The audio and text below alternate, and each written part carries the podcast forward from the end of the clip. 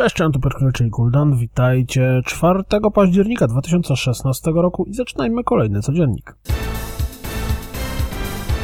Pojawił się drugi zwiastun GNOG, mocno kolorowej gry logicznej zmierzającej na PlayStation 4 i PlayStation VR jeszcze w tym roku oraz na Steama i iOSa w przyszłym. Lubicie zwiastuny, z których kompletnie nic nie wynika? To obejrzyjcie ten. Nowy zwiastun WRC 6 pokazuje nam, że odcinki specjalne w grze są w pełni zgodne z rzeczywistością. Zwiastun Forza Horizon 3 z podsumowaniami z recenzji właśnie zajechał, bo to gra wyścigowa, chłe, chłe, chłe. E, kupiliście już? Dodatkowo rzućcie okiem również na zwiastun prezentujący paczkę aut. Pojawił się nowy zwiastun, chociaż może raczej trzeba powiedzieć, że fragment rozgrywki z Final Fantasy XV. Ostatnimi czasy gry w świecie Warhammer 40 tysięcy raczej nie porywają, ale jak patrzę na ten zwiastun Spyhawk Deathwing, to chyba jest szansa na zmianę. Wygląda na to, że elementy VR w Batmanie i Resident Evil będą czasowo dostępne tylko na PlayStation VR. Batman przez pół roku, Resident Evil przez rok.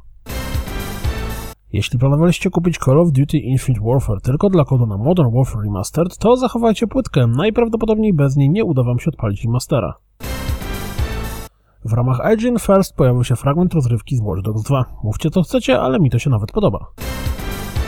Pierwsze 12 minut z kampanii dla pojedynczego gracza w Battlefield 1 wygląda imponująco. Twórcy Hello Neighbor chwalą się, że w ich grze sztuczna inteligencja będzie uczyła się naszych zachowań. Szczerze mówiąc, w tym fragmencie rozgrywki z komentarzem nie do końca to widzę. Pojawił się interesujący wywiad z twórcami Mafii, z którego dowiemy się, jak w grze potraktowano temat rasizmu. Tom Clancy's Ghost Recon Wildlands w nowym fragmencie rozgrywki pokazuje, jak w grze będzie można rozwiązywać problemy bez zbędnego hałasu. Nie wiem jak dla Was, ale jak widać po tym demku Drive Club VR, granie w wyścigi samochodowe z wykorzystaniem VR może być rewelacyjnym przeżyciem. To wszystko na dziś, jak zawsze. Dziękuję za słuchanie, jak zawsze zapraszam na www.rozgrywkapodcast.pl Jeśli doceniacie moją pracę, wesprzyjcie mnie na Patronite i mam nadzieję słyszymy się jutro. Trzymajcie się, cześć!